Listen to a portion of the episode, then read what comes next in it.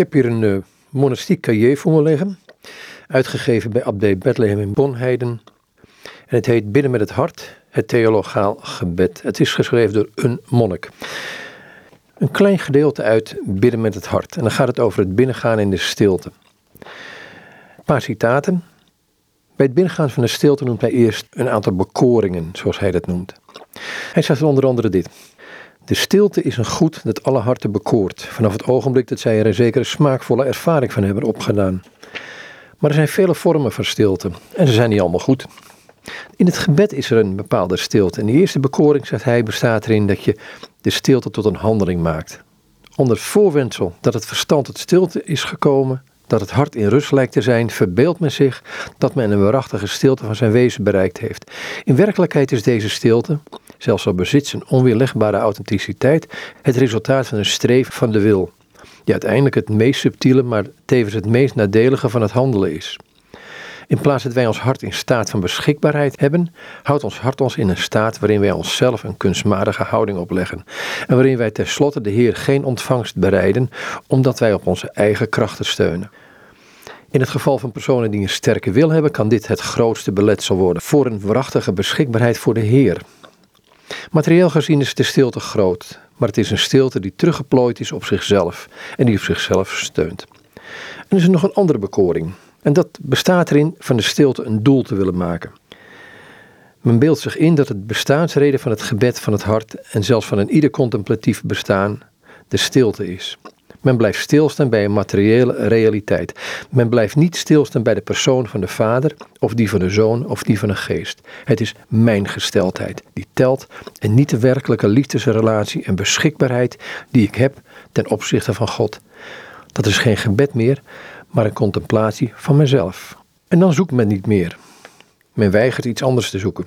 Al wat opnieuw, om het even welk idee zal binnenbrengen, zelfs over de Heer, zelfs komende van Hem, lijkt een belemmering. De enige goddelijke realiteit op dit moment is de stilte. Er is geen gebed meer. Er blijft niets anders over dan de constructie van een idool dat stilte heet. Maar als men wil binnentreden in een waarachtige stilte, moet men uit die grond van zijn hart verzaken aan die stilte. Men moet ze niet verkwanselen, ze niet onderwaarderen. Er niet aan verzaken haar te zoeken, maar vermijden er een doel van te maken. Bovenal moet men vermijden te geloven dat de echte stilte het resultaat is van mijn persoonlijke werkzaamheid. De stilte niet helemaal opbouwen zoals men het met een werk zou doen. Te dikwijls beeldt men zich in dat de stilte er alleen in bestaat de vrede te vestigen in onze verstandelijke vermogens, in onze verbeelding en gevoeligheid. Dat is een aspect van de stilte, maar het is niet de hele stilte. Ook is het nodig dat ons diepe hart, in de mate dat het zich identificeert met de wil, zelf in stilte zou zijn, dat ieder verlangen, tenzij om de wil van de Vader te doen, tot rust is gekomen.